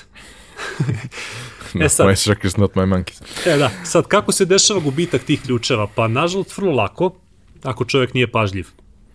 Jer ako pričamo recimo o mobilnoj aplikaciji, dakle ja downloadujem mobilni novčanik, dakle to je jedan softver koji čuva za mene te parove privatnih ključeva i adresa i na, moj, na moje neke klikove potpisuje te transakcije i šalje u, u mrežu. E, ako bih ja taj telefon izgubio, ja sam izgubio i kojine koje tu imam, osim ako sam na vreme napravio backup. Kako se pravi backup? Backup se pravi tako što kada instaliram aplikaciju, da li je to mobilna aplikacija ili je to desktop aplikacija, meni ta aplikacija nudi da ja zapišem najčešće 12 ili 24 reči. Znaš možda ovu seriju sad našu 12 uh -huh. reči, to je odatle. Šta su te reči? Uh, iz tih reči ja čak i ako izgubim novčanik, mogu da generišem privatni ključ. A iz privatnog ključa se posle generiše adresa koja je sa tim ključem u paru i a, praktično iz te kombinacije reči se uvek generiše isti privatni ključ, iz privatnog ključa se uvek generiše ista adresa jer se po istom algoritmu generišu. Tako da ja te uh, reči prosto zapišem negde, čuvam ih na sigurnom mestu i ako izgubim telefon i dalje imam svoje kojine. Osim ako sam stavio jako lak pin koji će neko ko je dobio moj telefon da provali. Jer ja da bi ušao u mobilnu aplikaciju, ja ukucam neki pin, obično četvorocifreni, i onda mogu da radim šta hoću. Ako nemam pin, ne mogu da uđem, a ako izgubim i telefon i pin i sve, meni su te ključne reči dovoljne da ja generišem sve od nule. Dakle, uzem nov telefon, downloadem isti taj wallet, unesem te ključne reči i on mi generiše iste te privatne ključeve, iste adrese i stanje je tu i dalje, osim ako je neko provalio moj privatni ključ ili uzao te ključne reči. E sad, e, ono što je uh, ljudima koji su u IT svetu normalna stvar, ali i ljudima van IT sveta i nije baš, jedan kratak savjet, nemojte da čuvate backup tamo da imam i original. Šta ljudi napišu, šta su ljudi recimo radili? Generišeš, odnosno instaliraš mobilnu aplikaciju, on ti izbaci reči koje treba da prepišeš, ti uradiš screenshot i čuvaš u telefonu. E sad, to su provalili i oni koji prave volete i većina voleta ti sad onemogućuje da radi screenshot kad se pojave reči, terate da pišeš, ali i dalje postoji neki koji te ne teraju ili recimo ljudi napišu na papirić pa stave u futrolu mobilnog. To je isto mnogo pametno. Tako da, kao i za svaki drugi backup, i ovde backup ne sme da vam stoji tamo od original. To je naj, najprostiji i najbitniji mogući savet koji neko može da vam da. Dakle, čim instalirate odmah backup i odmah ga negde sklonite, čak i bolje da Sklonite imati... ga na više mesta. Na, upravo tako, bolje imati više backupa i da svaki bude na nekom sigurnom mestu, jer šta se dešavalo često? Osim što ljudi, uh, osim što ljudi iz neznanja nisu radili backup, postoje ljudi koji nisu radili backup iz lenjosti, misleći, ok, sad ću da otvorim ovaj mobilni novčanik, samo da nešto probam, neću tu nikad držati puno para, pa mi i ne treba backup. I recimo, ako su tako razmišljali 2010. i imali nekih 100 bitcoina, hipotetički, tad mislim da nisu ni postali mobilni voleti, ali desktop voleti su postojali, imam 100 bitcoina koji zajedno vrede 3 dolara, šta me briga za backup, tih 100 bitcoina u jednom trenutku vredi 3 miliona dolara, kompjuter više odavno, nemaš backup, nemaš i... A ne postoji forgot password. Ne postoji forgot password jer je decentralizovan sistem. Da bi imao forgot password možeš da imaš centralni autoritet koji ti vraća šifru kada, kada je ti zaboraviš, odnosno koji ti daje mogućnost da resetuješ šifru. Ovde to nema, tako da a, kriptovalute nam daju mm, slobodu u korišćenju novca kakvu nikad nismo imali, ali ona dolazi sa cenom, ta cena je odgovornost da smo sami krivi ako nešto izgubimo i da nema ko da nam pomogne. Tako da, još jedna bitna stvar kad birate novčanik, raspitajte se malo jer nije svaki novčanik jednako dobar. Neki su lakši za hakovanje, neki su teži, neki su prevarantski u samom startu, takvi ne opstanu dugo, ali dok, dok se ne otkrije umeju da pohvataju par žrtava, gde vi instalirate novčanik, mislite da je super, prebacite nekoliko kojine, ispostavi se da je cela aplikacija smišljena sa ciljom da vam uzme kojine. Tako da, uh, oprez, izbor novčanika je vrlo bitna stvar i nešto što ljudi pocene, jer nije, nije zanimljivo. Zanimljivo je zaraditi pare. Čuvati ih nije toliko zanimljivo, ali prosto ako nisi prvo obezbedio da ćeš da ih sačuvaš, onda i to što si zaradio možeš lako da izgubiš. Dakle, prvi korak kad ulazite u svet kriptovaluta, kad ih kupujete ili kad ih rudarite, prvo smislite da će da ih čuvate i potrošite neko vreme, uložite neko vreme da nađete najbolji način za to, jer uštedeće vam puno, puno stresa i puno para, verovatno, na kraju.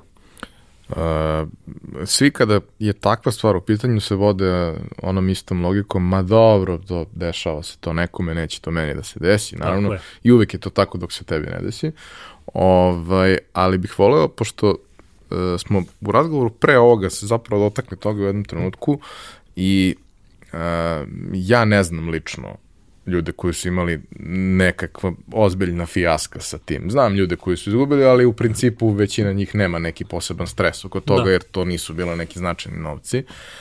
Ali statistika, ona koja je dostupna, koja je poznata, e, kaže da je to zapravo prilično česta stvar i značajan procenat uh, ukupno izrudarenih bitcoina i ukupne vrednosti je najčešće bespovratno izgubljen.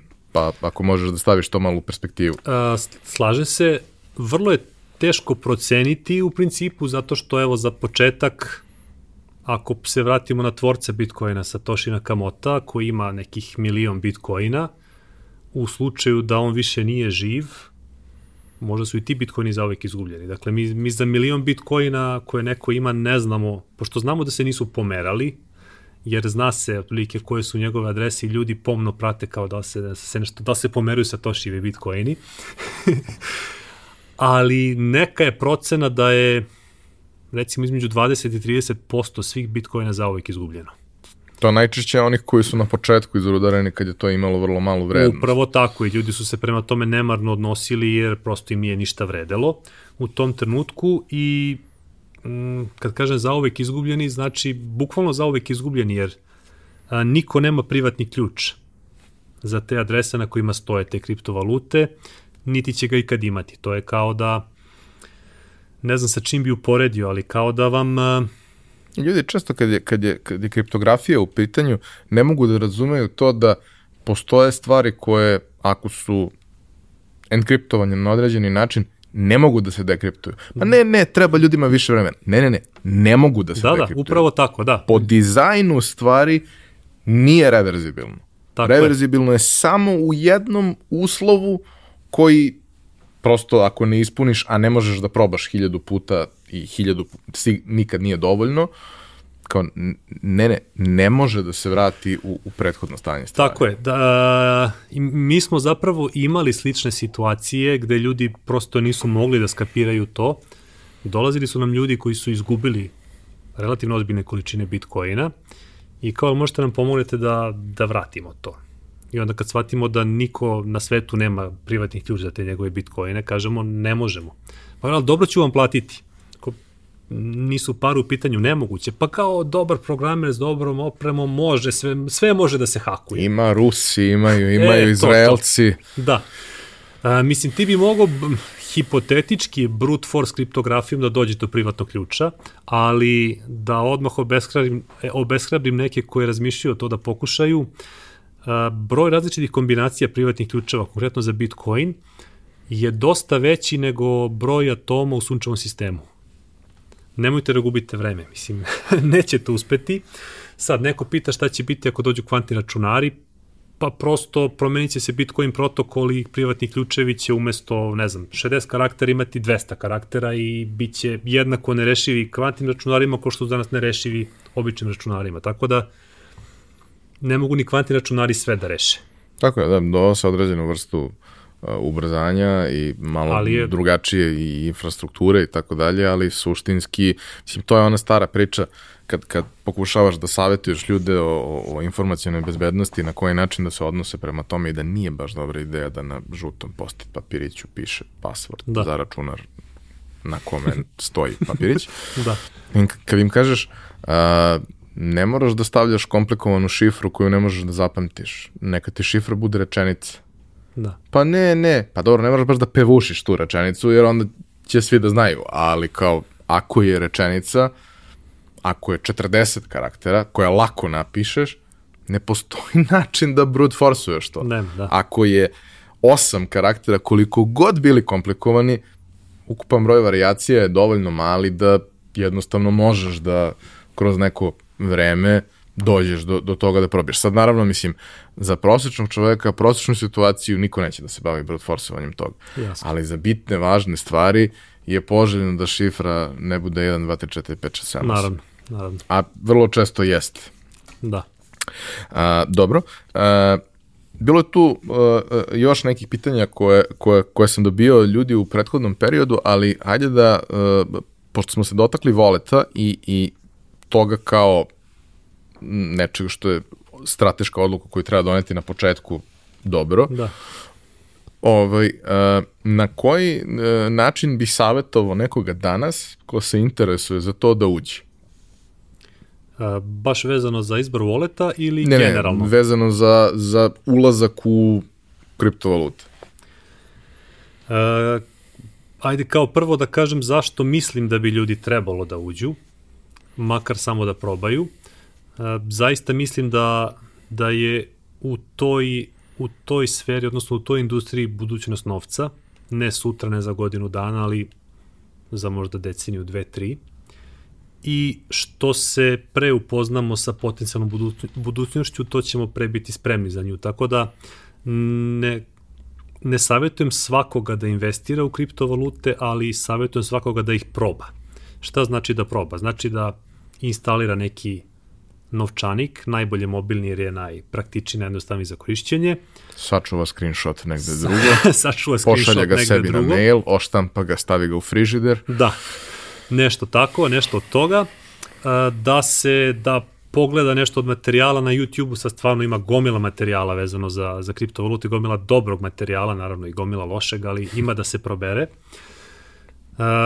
Da nešto pročita, da se poigra sa nekom manjom količinom, mislim na bukvalno, ne znam, 10, 20, 30 dolara vrednosti kriptovaluta, da malo probaju da otvore novčanik, da prebaci s jedne adrese na drugu, da vidite kako to funkcioniše. I ako im sve to ima smisla u nekom trenutku, da onda se ozbiljnije upuste u to. Ozbiljnije upuste ne znači samo, ok, probao sam sa 20 dolara, sad ću da ubacim 20.000 dolara i mi se sviđa. Ozbiljnije može značiti i, ok, ja bih da rudarim, ili zato što me zanima zarad ili zato što shvatam da to ojačava infrastrukturu i hoću da pomognem da bude jača infrastruktura, ako se nešto i zaradi, tim bolje. Ili hoću da pravim svoj coin, ili hoću da razvijam neku drugu aplikaciju, dakle, kad kažem da nešto radi, ne mislim nužno da investira. Ali generalno, svakako bih savjetovao da se čovek dobro informiše o tome. Veliki problem koji postoji je što su kriptovalute relativno teške za razumevanje, a relativno su teške zato što vrlo mali broj nas ima dovoljno dobru osnovu da bi razumelo. Ne mislim na tehničko znanje, mislim na ekonomsko znanje, jer vrlo malo nas zna dovoljno o novcu. Iako mislimo da znamo, jer svaki dan baratamo novcem, zapravo ne znamo skoro ništa, jer nas niko tome ne uči. Što je sad jedna posebna tema, zašto nas u školama uče uh, kako funkcioniše nervni sistem kišne gliste i kad se Kamerun oslobodi od svog kolonizatora, a, ne, a niko nas ne uči šta da radimo s novcem koji prožima ceo naš život praktično i sigurno jedan od najbitnijih stvari u životu, iako volimo da kažemo da novac nije bitan, ali da, teško da postoji mnogo stvari koje su zapravo bitnije i koje u većoj meri prožimaju sve što mi radimo. Da, ali e, ja bih se samo nadovezao na to i na način da posebno u našem obrazovanju izostaje to jako puno. U nekim drugim zemljama ti imaš dosta stvari koje se tiču finansijske pismenosti, čak i u tom nekom, ne, ne možda osnovnom, ali, ali srednjem obrazovanju, a, a svakako na fakultetu gde, gde te neko uh, uči i kako se štedi i koji su načini. To možda jeste tradicionalno u, u, u, u nekoj priči, ali uh, postoji mnogo drugačiji i uh, verujem zdraviji odnos uh, prema tome, jer da bi mogao da funkcionišeš neophodno je razumevanje Tako nečega je. što, što ti je mislim, i, ja stvarno kao i ti ne mislim da, da je ono novac jedini izvor sreće i tako dalje ali neophodan da bi mogao da funkcionišeš. Pa pro, probaj da ga nemaš, pa da vidimo koliko srećan možda pa, budeš. Probao sam, nije mi se da... To ti kažem, dakle, novac ne može da kupi sreću, ali, ali ako ga baš nemaš uopšte, teško da možeš da budeš srećan. Teško da možeš da budeš zdrav, srećan, da, na bilo koji način da budeš, da budeš uspešan u nekoj, u nekoj sferi. E, tako da, e, slažem se, to je, to je ogroman propust, jer prosto cilj škole bi trebalo da bude da te spremi za život, a ne spremate za jednu od ključnih stvari u životu. Prva stvar koju radiš kad završiš školu je da se zaposliš. Jedan od najbitnijih parametara kod izbora posla je da vidim kolika mi je plata. A niko te nije spremio da uopšte uh, znaš kako plata funkcioniše, zašto je tolika kolika je, šta da radiš sa njom, da li sve da potošiš, da li da uložiš, da li da da li da pozajemljuješ, da ulaziš u kredite, mislim... Kad nam je bio uh, Dule u Zelac iz Kamatice, on je baš dao taj jedan sjajan, sjajan primjer gde kaže, ja znam ljude koji imaju plate 30.000 dinara i imaju ušteđevinu koja je 20 njihovih plata. Naravno, da. stek, vremenom su je stekli, ali kaže, isto tako znam jako puno ljudi koji imaju 200, 300, 400 hiljada dinara platu, nemaju nikakvu ušteđevinu. I ogromne dugove to tek, od njih, da. to tek, ali uh, prosto jeste neophodno da, da novac postoji da bi mogao da planski raspolažeš sa njim i da praviš nekakvu ušteđevinu i tako dalje. Ali nije neophodno izobilje. Slažem se. Samo je potrebno razumevanje, negde praćenje i vrlo često, mislim, kontrola nekih nagona naših koji svakako postoje. Jer kao i kad uh, analiziraš, znaš, ljudi optimizuju svoje vreme onog trenutka kad vremena nema. Tad nema optimizacije. Tad, tad kasno. nema manevarskog prostora. da. Tad možeš samo da odbaciš, od, odsečeš nešto što više fizički ne možeš da stigneš. Da. Ali optimizacija se pravi onog trenutka kad postoji prostor. Tako je. I kad ti možeš da se pomeriš sa strane i analiziraš zašto je nešto tako. Kad da. dođeš u, u cajtnot, nemaš kada analiziraš. Tako je. I to te ostavlja u vrlo, vrlo nezgodnoj poziciji. Slažem se. Uh, kada si rekao, i, i mislim da je to jedan lep, uh, uh, jedan način da zaokružimo priču. Ovaj, kada si rekao da misliš da je to novac budućnosti, uh, volao bih da, pa ne samo novac budućnosti, nego s jedne strane tehnološka osnova za svakakve neke interesantne ove, stvari, s druge strane i novac budućnosti. Volio bih da uh, mi daš neke tvoje argumente zašto misliš da je to tako? Šta si to shvatio pre godinu ili dve, kao što si rekao na Pa početku? da, e, hajde ovako da, da se malo vratimo u istoriju, pre svega istoriju novca, pa da probam nekako da napravim na taj način uvod za, za ono što, što želim da kažem. Ako gledaš novac kao, kao pojavu, on se zapravo kroz istoriju vrlo redko menjao iz korena. Imali smo period Trumpe, kada praktično nismo imali novac, odnosno uh, stvari koje nam direktno trebaju smo koristili kao novac. Ja ako trampim, ne znam, jabuke za, za meso, ja sam prihvatio meso kao sredstvo plaćanja za moje jabuke, jer mi treba meso da jedem odmah. Dakle, vrednost tog novca, po znacima navoda, mi je dolazila iz toga što mi je bilo odmah potrebno da ga upotrebim praktično novac nastaje tek ovakav kakav ga, kakvog ga danas doživljavamo, tek u nekom sedmom veku pre nove ere kad se pojavljuju uh, zlatni srebrni novčići i tu, s, tu uh, novac crpi svoju vrednost iz uh, materijala od koga je napravljen. Dakle, novac je u principu stvar, stvar dogovora i stvar poverenja. Dogovor u smislu da može da funkcioniše samo ako se dovoljan broj ljudi dogovori da će nešto prihvatati kao novac, a poverenje u smislu da imamo poverenje u to da on zaista nešto vredi. I punih 2000 pa i više godina je poverenje u novac bilo isključivo povezano sa materijalom od koga je novac napravljen. Dakle, baš nas briga čiji je lik na novčiću i šta piše na novčiću, novac vredi zato što je zlatan jer zlato vredi ili srebro vredi. A vredi zato što je redko. Pa, zato što smo se u nekom trenutku dogovorili da vredi i prosto imamo negde poverenje u to. Između ostalog zato što je redko, da, postoje druge redke stvari koje nisu vredne, jer nije im se našla upotrebna vrednost. Ali ovde konkretno imamo tu upotrebnu vrednost i praktično kažem, vrednost novca i poverenje u novac je proizilazilo iz poverenja u materijal od koga novac napravljen. Sad, onako fast forward do, do nekih 1000, recimo 700 te, kad polako počinje novac da postaje u papirnom obliku, koji mm, sam po sebi ništa ne vredi, mislim na papir. I gde se menja koncept novca u smislu da sad više ne verujemo u novac zato što je nastao od vrednog materijala, nego verujemo izdavaocu. Dakle, ja verujem novcu zato što ga je izdao neko kome ja verujem. Ali taj proces tranzicije je bio izuzetno dugačak, jer ako pogledamo, tek pre 50 godina je za dolar ukinuta zlatna podloga. Bilo je pre toga par puta da se ukidala pa se vraćala, ali generalno tek pre 50 godina smo mi konačno raskrstili sa, sa potrebom da imamo nešto vredno kao podlogu za papirni novac koji je u suštini bezvredan. Tako da je to praktično prva velika tranzicija gde se menja koncept novca u smislu, aha, ovde smo verovali u novac jer je nastao od vrednog materijala, a ovde verujemo izdavaocu i zato dodeljujemo vrednost novcu. Mislim da smo u početnoj fazi jedne nove promene, gde se poverenje ne vezuje za izdavaoca, jer konkretno u slučaju Bitcoina mi izdavaoca i ne znamo, odnosno kreatora ne znamo, već se poverenje vezuje za uh, sam, da kažem, protokol ili algoritam po kojem novac, novac funkcioniše. Znači, ako dovoljan broj ljudi misli da sam taj koncept Bitcoin ili neke druge kriptovalute ima smisla, onda taj novac počinje da vredi. Dakle, poverenje sad uh, iz, uh, iz situacije da je poverenje vezano za izdavaoca, odlazimo u situaciju da je poverenje vezano za, za mm, sam dizajn novca.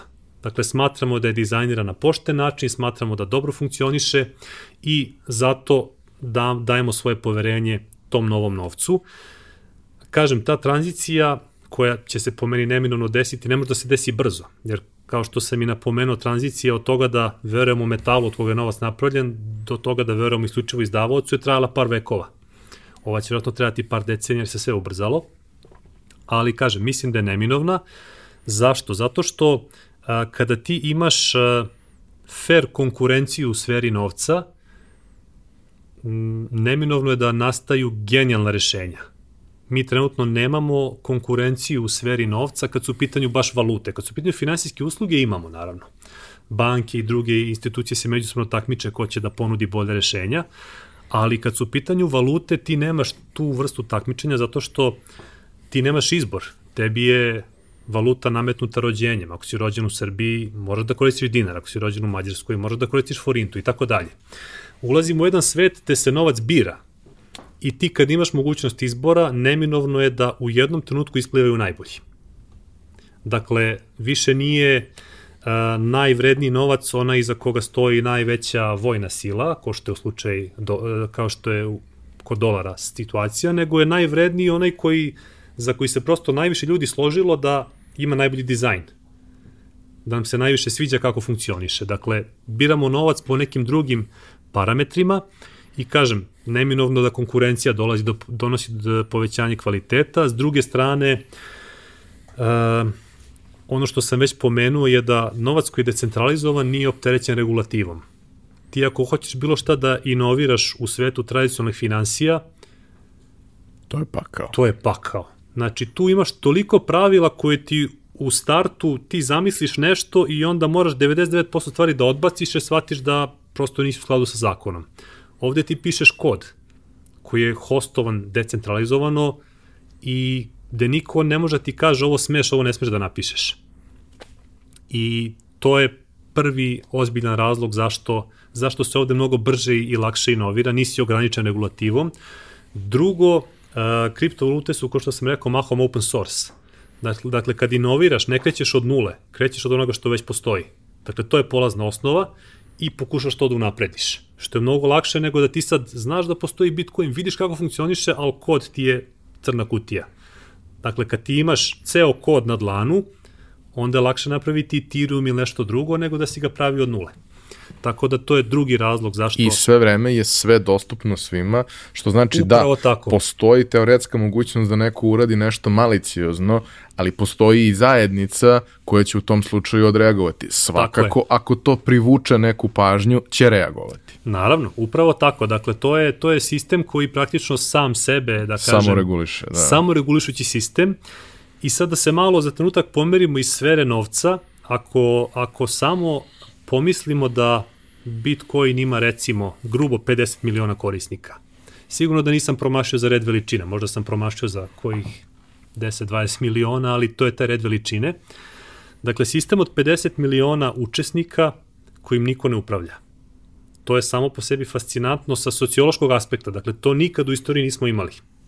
Taj broj ljudi koji su se organizovali sami i ko, gde postoje neka pravila koji svi poštuju i koje svi poštuju i to je sistem koji evoluira baš tako i koji za razliku od tradicionalnih nekih finansijskih servisa koji imaju periode kada ne rade, da li zato što je neki redovan upgrade u pitanju ili neki drugi ili neki problem, ti ovde imaš sistem koji osim nekih par štucanja u prve dve, tri godine, maltene 10 godina radi bez downtime-a. To je fascinantno, znači sve promene se rade na živo, da tako kažem, i opet funkcioniše. Dakle, jedan samoregulišući sistem u kojem učestvuje desetina miliona ljudi i koji radi i koji nešto vredi. I koji je, mislim, ne samo da nešto vredi, Bitcoin je nedavno po market capu, odnosno po ukupnoj vrednosti svih Bitcoina, prešao vizu koja je do tog trenutka bila, mislim i dalje je strogo, strogo gledajući, najvrednija finansijska institucija, na svetu. Dakle, ti imaš sada nešto što je decentralizovano kao zvanično najvredniju, najde kažem, najvredniji finansijski protokol i najvredniju finansijsku mrežu na svetu, najvrednija finansijska mreža na svetu je nešto čime niko ne upravlja, koja nema gazdu, gde se ljudi sami organizuju, sami regulišu odnose, sami se dogovaraju toga kako će to, oko toga kako će to dalje da raste i mislim da je to mislim da to ne može da ne bude prekretnica u nekom smislu, da su ljudi procenili da to vredi više od vize. Mislim, tržište je tako odlučilo ga. Da Dobro, kažem, I to varira, ali varira, ali kada gledaš sama srednjeročno, nema toliko varijacija. Da, sama činjenica da se, da se to desilo je fascinantna sama po sebi. I kažem, baš zbog te količine inovacija i količine eksperimenata, mislim da je neminovno da a, polako taj sektor kriptovaluta postane dominantan sektor u svetu financija i da tradicionalne financije se više krenu da kombinuju svoje neke servise sa ovim servisima i da krenu da ih kopiraju. Jer ako ti imaš situaciju da je u jednoj deceniji nastalo preko 10.000 različitih valuta ja ne znam da li u istoriji čovečanstva nastalo toliko do tada. Ni. Dakle, ogromna količina inovacija, ogromna količina neuspelih eksperimenata, ali iz svakog neuspelog eksperimenta se nešto nauči. I neminovno je da će te e, valute biti sve bolje i bolje i kad pogledaš s druge strane šta se dešava u ovom svetu tradicionalnih financija, gde se sad pogotovo u posljednjih godinu dana prilično bez kontrole doštampava novac, gde se polako kruni poverenje u ceo taj sistem koji je baziran na, na dugu praktično i da sad neki ljudi s pravom postavljaju pitanje, pa dobro, ako već možete da naštampavate pare koliko god hoćete, zašto mi plaćamo poreze? Ne pričam to sad u kontekstu freelancera i aktualne teme kod nas, nego na svetskom nivou, kao čemu služe porezi ako vi možete da doštampate kad god hoćete koliko god hoćete. Pa da, znači čemu služe porezi. Tako da ceo taj koncept je postao malo obesmišljen u smislu da je nekad novac imao podlogu. Prvo u zlatu, pa onda, da kažem, u realnoj snazi ekonomije, ali ako ti u godini kada ekonomija se raspada, doštampaš ne znam koliko triliona dolara, šta je podloga za taj novac? I dokle može da doštampavaš, a da poverenje ne krene da se ruši koliko ula od karata.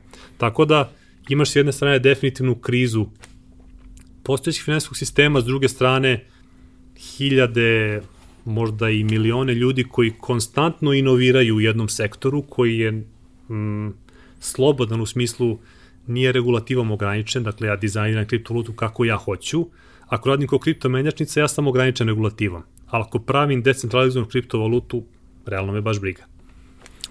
E, za sam kraj voleo bih samo da se kratko dotaknemo uh, i toga da je Srbija zapravo među uh, prvima uh, uvela zakon kojim se ovo reguliše, koji, kao što si pomenuo, je krovni zakon i koji je prema svemu onome što, koliko ja razumem i koliko sam čuo od ljudi koji se razumeju bez daljnjeg mnogo više od mene, suštinski jedno vrlo solidno početno rešenje na kome naravno treba raditi nadalje, ali jedno vrlo solidno početno rešenje, pa bih volao samo jedan kratak komentar oko toga.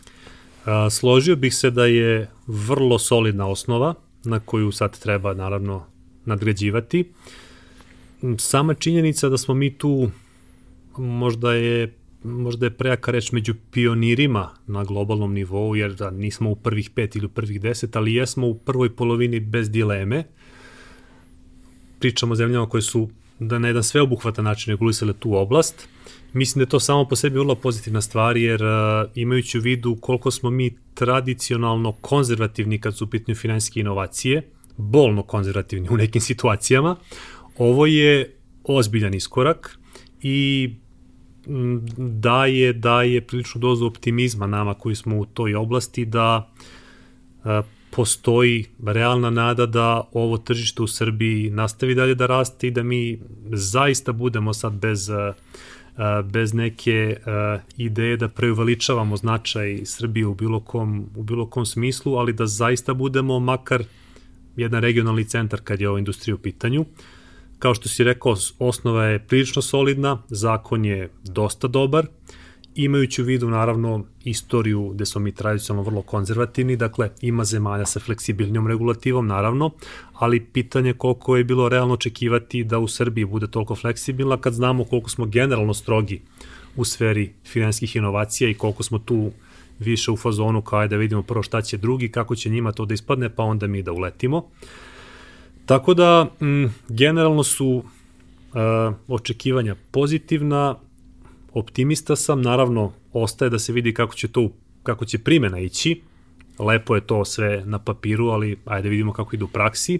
Ostaje i dosta podzakonskih akata koji će bliže definisati neke stvari, ali da, da ponovim još jednom, osnova je svakako dosta dobra i mislim da je to jedan, jedan dobar signal za sve nas koji se time bavimo i za one koji žele time da se bave. Postoji i komunikacija sa, sa, sa vama koji se time bavite u, u samom procesu diskusije na, na, na temu samog zakona i svega dalje što se dešava. Dakle, nije, nije to potpuno nametnuto rešenje, već postoji neki javni diskurs gde, gde je moguće Ovaj... Pa da, to je, da, to je otprilike ovako funkcionisalo. Sad, pošto je zakon već donet, oko samog zakona više nema rasprave. Jasne. Oko podzakonskih akata se nadamo da ćemo biti konsultovani u neku, u neku ruku. u procesu donošenja zakona postojala je radna grupa sastavljena od predstavnika raznih institucija, ministarstava Narodne banke, Beogradske berze i tako dalje. I e, ta radna grupa jeste imala pre svega preko predstavnika Privredne komore, koji je takođe bio u radnoj grupi, e, je imala vrlo dinamičnu komunikaciju sa nama koji smo, da kažem, predstavnici industrije, kako se popularno kaže, sa nekoliko nas iz industrije.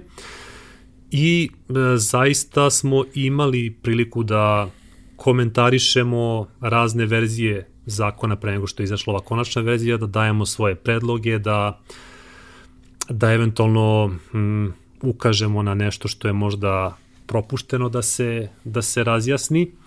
Naravno, nije sve od onoga što smo predložili usvojeno, jer e, nije, nije taj zakon zamišljen da bude onako kako bih ja želeo, nego treba da se naravno nađe neka ravnoteža između onoga što e, odgovara industriji i onoga što je dobro za, za samu državu, što ne mora nužno da bude 100% Na u skladu, uvijek, da. da.